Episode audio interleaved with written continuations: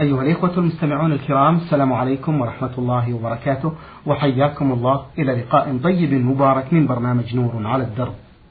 ضيف اللقاء هو سماحة الشيخ عبد العزيز بن عبد الله بن باز المفتي العام للمملكة العربية السعودية ورئيس هيئة كبار العلماء. مع مطلع هذا اللقاء نرحب بسماحة الشيخ عبد العزيز فأهلا ومرحبا سماحة الشيخ. حياكم الله وبارك فيكم وفيكم. هذا السائل عبد الرحمن آه، من الرياض يقول في هذا السؤال سماحة الشيخ حدثونا عن مسجد الميقات ذو الحليفة في ضوء الحديث القائل ما معناه أتاني آت الليلة؟ فقال يا محمد صلي في هذا الوادي المبارك هل للصلاة في مسجد ذو الحليفة فضل على غيره أم هو كسائر المساجد؟ وما أصل التسمية بذو الحليفة؟ وأبار علي جزاكم الله خيرا. بسم الله الرحمن الرحيم. الحمد لله صلى الله وسلم على رسول الله وعلى آله وأصحابه ومن اهتدى به أما بعد فقد أحرم النبي صلى الله عليه وسلم في حجة الوداع وفي عمرة من ذي الحليفه وهي ميقات أهل المدينة ويسميها الناس أبا علي الآن. وقد جاء في الحديث الصحيح أن الله قال له صلي في هذا الوادي المبارك عمره في حجة. فاحتج به العلماء على أن يستحب لمن أراد الحج والعمرة أن يصلي ركعتين عند إحرامه. أو يصلي فريضة إن كان وقت فريضة صلى الفريضة والنبي صلى الله عليه وسلم في حج الوداع صلى فريضة الظهر ثم أحرم بعدها. هذا يدل على أن ذا الحليفة لمن أراد الحج والعمرة يستحب له أن يصلي إما فريضة وإما نافلة ثم يحرم كما فعل النبي صلى الله عليه وسلم. وهكذا في بقية المواقيت. إذا تيسر فريضة أحرم بعدها صلى وأحرم بعدها.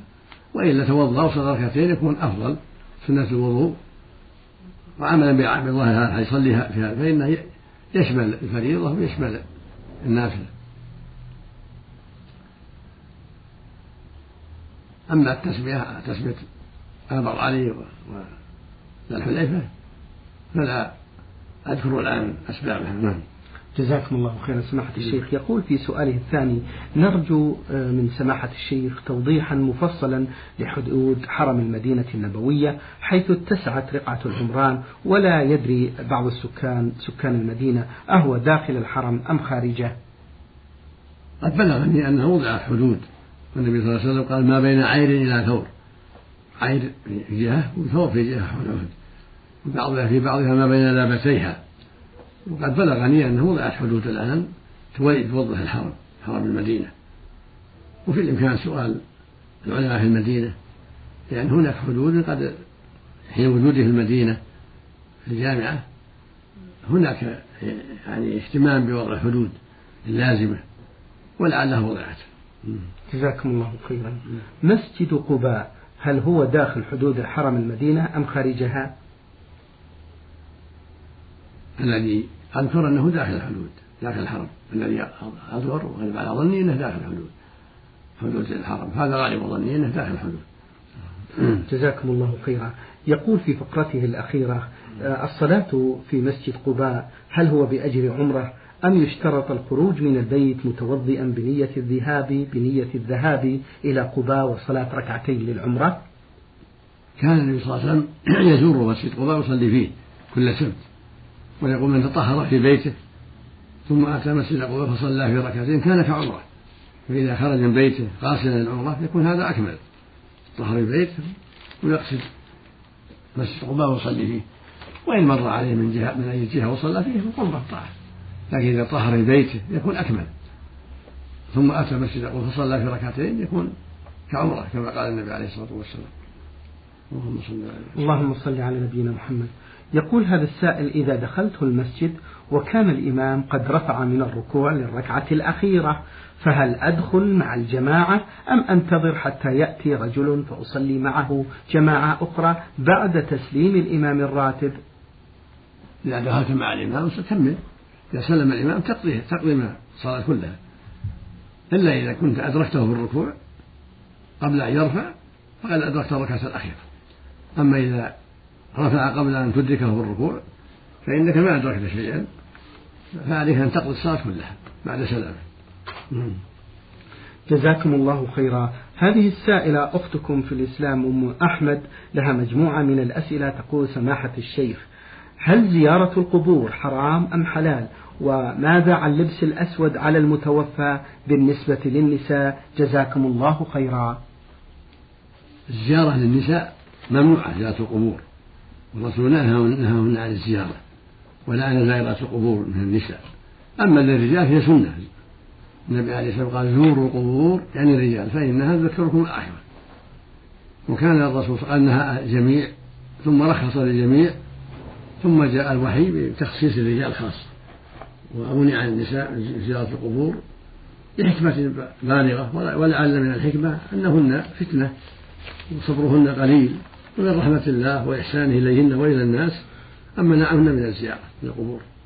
أما الصلاة على الميت فإن مشروع للجميع. الرجال يصلون على الميت والنساء كذلك يصلين على الميت سواء في البيت أو في المصلى. أما زيارة القبور فهذه خاصة بالرجال. نعم. جزاكم الله خيرا. تسأل السائلة وتقول أريد أن أعرف اسم كتاب وذلك من أجل قراءته لمعرفة ما يتعلق عن الأرواح ومصير الأموات وعذاب القبر وعن جنة القبر وما يشبه ذلك يا سماحة الشيخ. كتب الحديث؟ رياض الصالحين في خير رياض الصالحين في خير أحاديث كثيرة. في كتاب التوحيد من النار لابن رجب وأهوال القبور لابن رجب مفيد أيضا. والكبائر للذهبي فيها إفادة كل هذه كتب مفيدة ترغيب وترهيب للمنذري فيها فائدة. إذا قرأها الإنسان يستفيد بما يتعلق بالجنة والنار وأهوال القبور. نعم. آه، السائل أم أحمد ومقيمة بالدمام تقول في هذا السؤال هل الأموات يشعرون بما يقدم لهم من قراءة الفاتحة أو قراءة القرآن؟ ليس لا يشرع أن يقرأ للأموات قراءة القرآن. لا الفاتحة ولا غيره ولكن يدعى لهم. الأموات يدعى لهم يصدق عنهم يحج عنهم يعتبر لا بأس. أما قراءة القرآن لهم ليس له أصل. القارئ يقرأ يطلب الأجر من الله لنفسه ويدعو لأمواته أو أبويه أو غيره يدعو لهم بالمغفرة والرحمة الدعاء مطلوب. أما قراءة الموت فلا أصل له فليس بمشروع والدعاء ينفعهم ينفع الأموات الدعاء ينفعهم والصدقة تنفعهم صدقة عنهم تنفعهم. جزاكم الله خيرا. يقول تقول السائلة الدعاء في الكعبة الشريفة لا بد من تحقيقه أو استجابته بفضل الله عز وجل.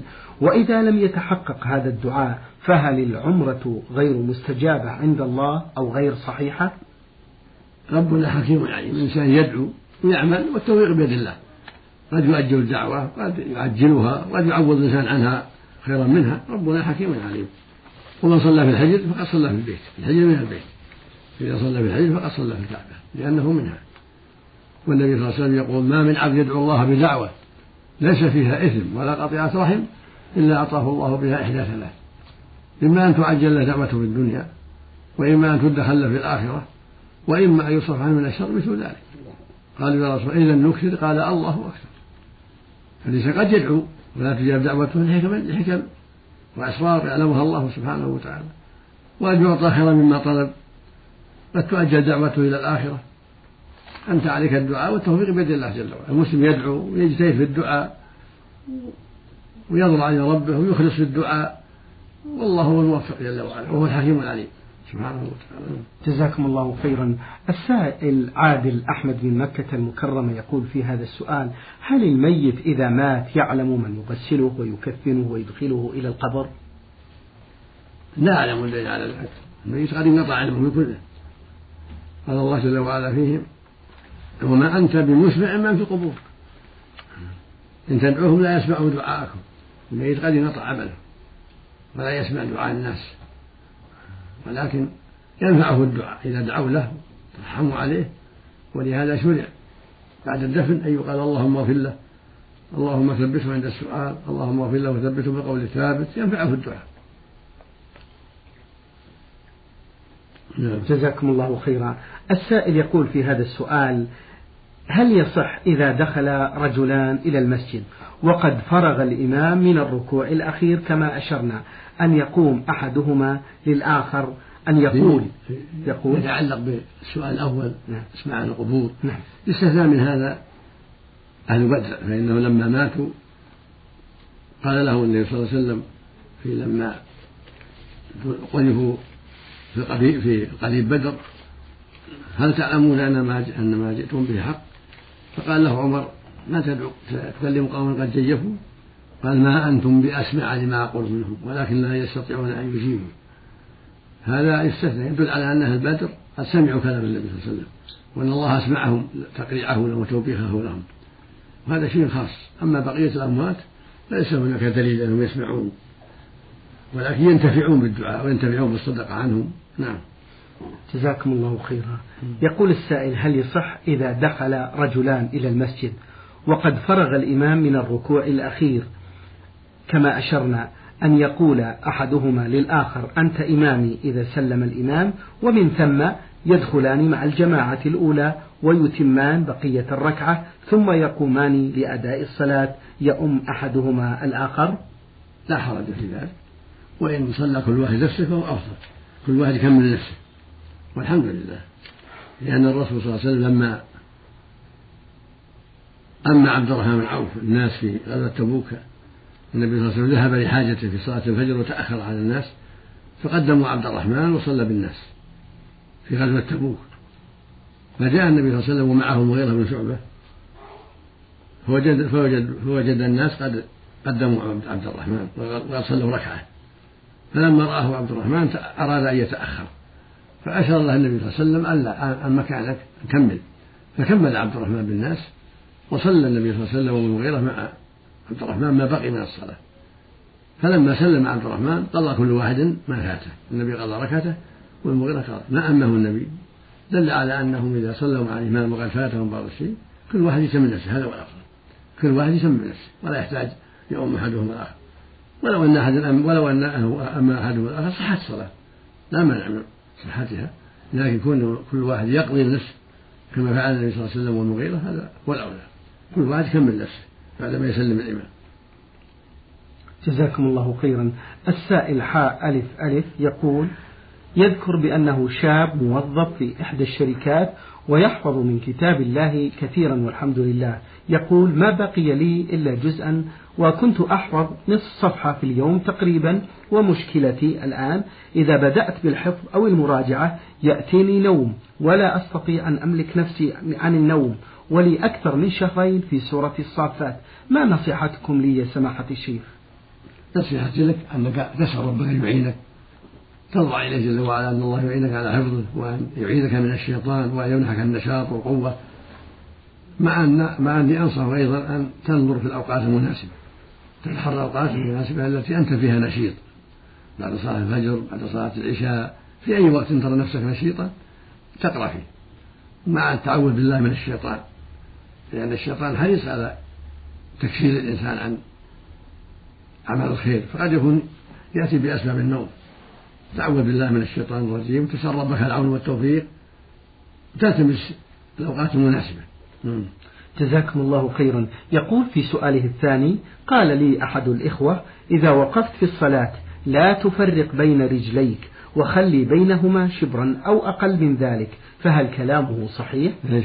يقول قال لي أحد الإخوة إذا وقفت في الصلاة لا تفرق بين رجليك وخلي بينهما شبرا أو أقل من ذلك فهل كلامه صحيح؟ هذا كلام متناقض لا تفرق واجعل بينهم. هذا كلام متناقض. السنة أنه, أنه يفرق بين رجليه ولا يضمهما حسب التيسير يكون بينهما فجوة بين رجليه وهو قائم. هذا هو السنة. أما التحديد ما الحاجة للتحديد نعم. جزاكم الله خيرا. هذا السائل آه الذي رمز لاسمه السائلة التي رمزت لاسمها بجيم را من الخبر تقول نود من سماحة الشيخ أن يفيدنا في الحكم الشرعي في هذه المسألة. لقد توفي والدي رحمه الله وكان قد نذر قبل وفاته نذر طاعة وشكرا لله على أمر. ف وذلك إذا تم هذا الأمر أن يصوم شهرا كاملا في مكة المكرمة. وقد تحقق هذا الأمر والحمد لله والآن هل يقوم أحد من الأولاد أو الزوجة بالصوم عنه في مكة المكرمة؟ وهل يكون الصوم متتابعا أو على فترات؟ وهل لابد أن يكون الصوم في مكة أو في مدينة أخرى؟ أفيدون سماحة الشيخ. يشرع لمن يقرب منها يصوم معه كأخيه أو ابنه أو أبيه أو زوجته. يقول النبي صلى الله عليه وسلم من مات وعليه الصيام صام عنه وليه يعني قريبه إذا تيسر أحد يصوم عنه هذا طيب وهو مشروع.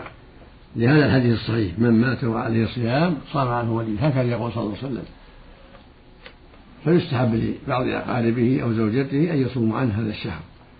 وإذا كان في مكة فهو أفضل وأكمل. وإما تيسر ففي أي مكان. السائلة هم تركي تقول في هذا السؤال سماحة الشيخ إذا أذن الراديو وذلك الأذان الأول يوم الجمعة أقوم وأتوضأ وأجلس لاستماع الخطبة وأنا في بيتي. وإذا أقامت الصلاة وإذا أقيمت الصلاة في الراديو فأقوم وأصلي فهل صلاتي صحيحة لمتابعة الراديو أم أن علي الإعادة؟ تقول إذا أذن الراديو للأذان الأول ليوم الجمعة أقوم وأتوضأ وأجلس لاستماع الخطبة وأنا في بيتي. وإذا أقيمت الصلاة في الراديو أقوم وأصلي فهل صلاتي صحيحة أم علي الإعادة؟ بل عليك الإعادة لأن الصلاة معا لو كان لو كنت معه في المسجد. أما وأنت في بيتك على الراديو لا. عليك أن تصلي ظهرا وعليك أن تعيدي ما صليت جمعة. نعم. جزاكم الله خيرا. هذا سائل للبرنامج يقول ما حكم الشرع في نظركم في رجل لا يصلي في المسجد إلا يوم الجمعة؟ ما حكم أكلنا لذبيحته؟ وجهونا بذلك. يجب على المسلم يصلي جميع الصلوات في المسجد. والذي لا يصلي في المسجد ينكر عليه ويعلم ويوجه إلى الخير ولا يتشبه بالمنافقين. وإذا عاند ولم يقبل يستحق له أن يهجر ولا تقبل عزيمته ولا لكن معه حتى يتوب. أما إذا أرشدتموه قبل وصلى مع الناس فالحمد لله.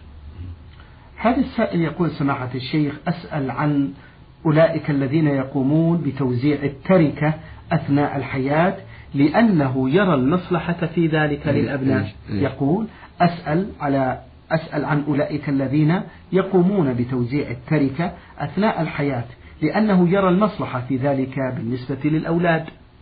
لا حرج في ذلك إذا وزع أمواله بين الأولاد لا حرج لكن الأفضل أن يبقي إلى شيء يغني عنهم. يبقي إلى شيء يسد حاجته. لأن الأولاد قد يشحوا عليه وقد يحصل عليه مضرة وإن ترك التوزيع حتى يموت يكون أكمل. لأن الأحوال قد قد تتغير.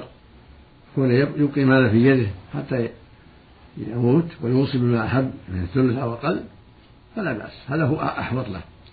قد يقسم المال بين أولاده ثم يندم لعدم قيامهم بما يلزم من جهة حقه. جزاكم الله خيرا. في سؤاله الثاني يقول سماحة الشيخ أسأل عن الاجتماع في بيت الميت لعدة أيام علما بأنهم يأتون بطعام من بيوتهم ويأكلون في بيت الميت بحجة الحديث اصنعوا لآل جعفر طعاما وعلى هذا يأكل منه الجيران والمجتمعون. يقول ما حكم الاجتماع في بيت الميت عدة أيام علما بأنهم يأتون بطعام من بيوتهم ويأكلون في بيت الميت بحجة الحديث اصنعوا لآل جعفر طعاما وجهونا في ذلك. إذا صنعوا لهم طعاما وأكلوا معهم لا بأس. لأنهم فعلوا ما أمر به النبي صلى الله عليه وسلم. قال لأهل اصنعوا لآل جعفر طعام لآل جعفر طعام فقد أتاهم ما يشاءون. لما قتل جعفر في الشام وجاء خبره في المدينة أمر أهله صلى الله عليه وسلم أن يصنعوا لآل جعفر طعاما. فيصنع فيستحب لأهل لأقارب الميت الذين غير أهله أو جيرانه أن يصنعوا له طعاما لأهله زوجته وأولاده. فإذا شاركهم بعض الجيران وأكل معهم فلا بأس. جزاكم الله خيرا. من سوريا صلاح من حلب يقول حين أقوم لأداء أداء الصلاة فرضا أتثاءب كثيرا وأحاول منع هذا التثاؤب ولم أستطع وأشرد أيضا في الصلاة في كثير من الأوقات أنسى كم صليت فأرجو منكم هدايتي إلى طريق الخلاص من هذا التقصير. وجزاكم الله خيرا. هذا من الشيطان وعليك أن تستعيذ بالله من الشيطان وأن تجتهد في أسباب النشاط. سؤال الله تعوذ بالله من الشيطان الرجيم وتقرأ ما تيسر. من القرآن ولا تطول الشيء التطويل الذي يشق عليك ويأتي بالنعاس. وتسأل ربك أن يعينك وأن يوفقك وأن يمنحك النشاط والقوة. لأن الشيطان عدو العبد يكسله ويشككه ويوهمه ويوسوس عليه فلا بد من جهاد لا بد من جهاد النفس وجهاد الشيطان. فجهاد النفس بأسباب النشاط من الوضوء وتعاطي ما ينشط من وضوء وقهوة والشيء الذي ينشط على قيام الليل ولا بد من التعوذ بالله من الشيطان عند الوساوس جزاكم الله خيرا. المستمعة التي رمزت لاسمها بألف ميم شين من الرياض تقول هل يجوز لي سماحة الشيخ أن أسافر مع زوج أختي ومعه أختي وأولادها وليس معي محرم سواه؟ ليس لك السفر مع زوج أختك. ليس محرما لك. الواجب ترك ذلك. لقول النبي صلى الله عليه وسلم لا تسافر إلا مع ذي محرم. وزوج أختك أو زوج عمتك ليس محرما لك. محرمك أخوك أو أبوك أو ابنك أو نحو ذلك. أو زوج بنتك محرم لك. أو زوج أمك كذلك محرم. أما زوج أختك لا. إذا كان داخل المدينة سماحة الشيخ. لا بأس داخل المدينة مو سفر طيب. تروح مع أختك أو هذا ليس بسفر. طيب. التنقل في المدينة أو الذهاب إلى المستشفى أو المحكمة من غير خلوة لا بأس. طيب. تقول السائلة هل عدم الجواز في لبس النقاب هو النقاب بحد ذاته أم طريقة اللبس؟ مع العلم بأنني ألبس النقاب ولكنني لا أكشف عن عيوني أبدا إلا للضرورة. النقاب محرم على المحرمة إذا كانت المرأة محرمة بحج أو عمرة ليس لها أن تلبس النقاب. أما غير المحرمة فلها أن تلبس النقاب. لأنها محتاجة إلى أن ترى طريقها. فإذا فتحت لعينيها أو لإحدى العينين شيء فلا بأس. كأذى العينين أو العين الواحدة. نعم. تقول السائلة هل ممكن أن أخرج الكفارة على شكل أموال بدلا من أطعام المساكين؟ أي أقدم طعاما للمساكين؟ الكفارة تختلف. كفارة الجميع عشرة مساكين كل واحد له نصف الصاع كيلو ونصف. وكفارة الظهار ستين مسكين. كفارة الجماع في رمضان ستين مسكين. لمن عجز عن العتق والصيام. فلا بد من إخراج الكفارة كما شرع الله. إن كان في جماع رمضان أو في الظهار تحريم الزوجة هذا الواجب في العتق قبله فإن عجز صام شهرين متبعين فإن عجز أطعم ستين مسكين قبل أن يمسها في الظهار. وفي إذا جامع في رمضان عليه كفارة هو المرأة جميعا. عتق قبله فإن عجز صام شهرين متبعين وهي كذلك. فإن عجز يطعم أطعم من أطعم ستين مسكين ويطعم ستين مسكين وهي كذلك. كل واحد له نصف الصاع ستين صاعا هما جميعا بين ستين مسكين. كل مسكين له صاع نصف عن الزوج ونصف عن الزوج إذا عجز عن العتق والصيام. جزاكم الله خيرا سماحة الشيخ. يقول تقول السائلة ما الفرق بين المحرم والجائز والمكروه؟ المحرم الممنوع والجائز مباح إن شاء فعل إن شاء ترك. والمكروه لتركه أفضل هذا مكروه. على فعلها أفضل هذا يقال مكروه يعني جاء فيما يدعى تركه أفضل وأولى جزاكم الله خيرا. تقول في آخر أسئلتها ما أقصى حد للبس الكم القصير بالنسبة للمرأة؟ لا بأس أن تلبس الكم القصير بين النساء لكن أفضل أن تكون أكمامها تامة حتى يتعلم غيرها منها الحشمة عند النساء وعند المحارم. هذا هو الأولى بحقها. تكون محتشمة وكمها إلى إلى نص الكف إلى نهاية الذراع. هذا هو الأولى والأفضل والأحوط. حتى لا يتأسى بها غيرها وحتى لا يدخل عليها من ليس بمحرم. المقصود أن كونها تلبس أكمام وافية إلى الرص إلى الذراع من الكف يكون هذا أكمل بين النساء وعند المحارم. وإلا فالزرع ليس بعورة عند النساء والمحارم لكن كونها تستكمل الكم يكون أكمل وأفضل وأبعد عن الريبة جزاكم الله خيرا سماحة الشيخ. السائل الذي رمز لاسمه بسين سين له سؤالان يقول ما حكم ما يجري على ألسنة بعض الناس من قولهم اللهم إنا لا نسألك رد القضاء ولكن نسألك اللطف فيه لا هذا سؤال لا, لا أصل له. ولكن الإنسان يسأل ربه العافية. اللهم إني أسأل العفو والعافية في الدنيا والآخرة. يسأل ربه العافية من كل سوء. ويسأل ربه جميع أنواع الخير. والأمر بيد الله سبحانه وتعالى. لا يعلق. يقول اللهم اغفر لي اللهم ارحمني اللهم اشفني من مرضي. اللهم ارزقني العافية اللهم اسمع علي بأس العافية. اللهم أصلح قلبي وعملي. يسأل ربه الخير. خير الدواء ولا يستفدي جزاكم الله خيرا. في ثاني أسئلته يقول متى يبدأ المسح على الخفين؟ أهو من حين اللبس أم من حين الحدث أم من حين أول مسح بعد الحدث؟ فأيهما الراجح يا سماحة الشيخ؟ وما دليل ذلك؟ إيش؟ يقول متى يبدأ المسح على الخفين؟ أهو من حين اللبس أم من حين الحدث أم من حين أول مسح بعد الحدث؟ أيهما الراجح وما الدليل مأجورين؟ هذا هو الراجح.